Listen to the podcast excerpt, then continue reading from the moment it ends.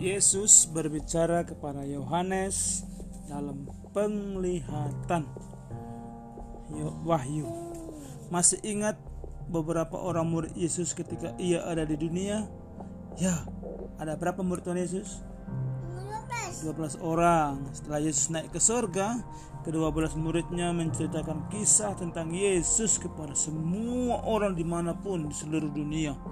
Mereka memberitahu orang-orang bahwa mereka harus percaya kepada Yesus, Sang Juru Selamat. Banyak dari antara murid itu yang dijebloskan ke penjara. Mereka dipenjara karena mereka mengasihi Yesus. Setelah berapa lama, Yohanes diutus ke sebuah pulau kecil karena ia mengasihi Yesus.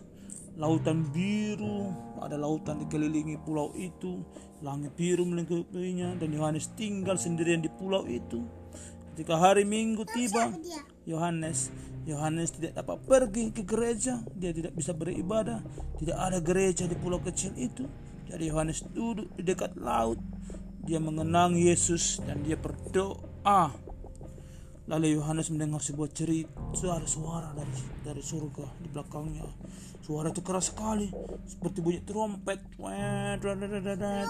Suara itu berkata, Hei Yohanes, tuliskanlah di buku-buku hal yang engkau lihat. Dia bilang, huh, ada dilihatnya penglihatan dan kirimkanlah buku itu ke gereja-gereja. Yohanes menoleh untuk melihat siapa yang berbicara dan ternyata yang berbicara itu adalah Yesus di belakangnya. Yesus bersinar terang dengan kemuliaannya yang menyilaukan. Wajahnya bersinar seperti matahari wajah Tuhan Yesus. Yohanes ketakutan, takut ketika ia melihat Yesus bersinar terang dengan kemuliaannya yang menyilaukan. Yohanes terakhir tersungkur, dia terduduk, ia menutup wajahnya, ia tidak berani memandang Tuhan Yesus. Ia tidak berani memandang wajah Tuhan Yesus. Tapi Yesus menjamah menjamah Yohanes. Kata Yesus, Jangan takut, hai Yohanes, aku menunjukkan kepadamu hal-hal yang akan terjadi. Lalu Yesus memperlihatkan kepada Yohanes banyak hal yang ajaib. Yesus menunjukkan kepada Yohanes kesusahan yang akan menimpa manusia di dunia. Yesus memperlihatkan kepada Yohanes bagaimana orang yang sudah meninggal akan hidup kembali.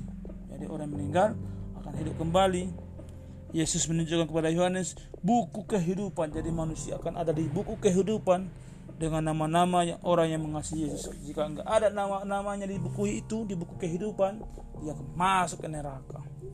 Masuk ke api yang besar, bakar dia.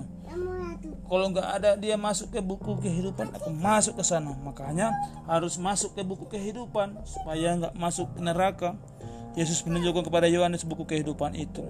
Yesus memperlihatkan kepada Yohanes ada surga yang baru, dunia yang baru, di surga yang baru dan dunia yang baru, ia tidak akan ada lagi penderitaan, tidak, tidak ada lagi orang-orang sedih, tidak lagi orang-orang menangis, tidak lagi orang-orang sakit, tidak ada penyakit, tidak ada lagi malam, semua terang karena ada Tuhan Yesus.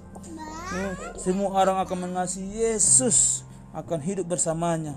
Jadi semua siapa yang mengasihi Yesus akan ada di bumi baru, di surga yang baru. Oh, semua semua terang, gak ada yang semua saling mengasihi, ada makanan yang sangat enak-enak di sana.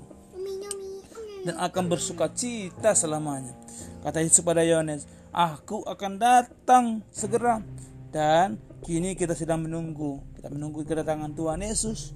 Segera Yesus akan datang dan kita semua akan bertemu dengan Tuhan Yesus. Amin.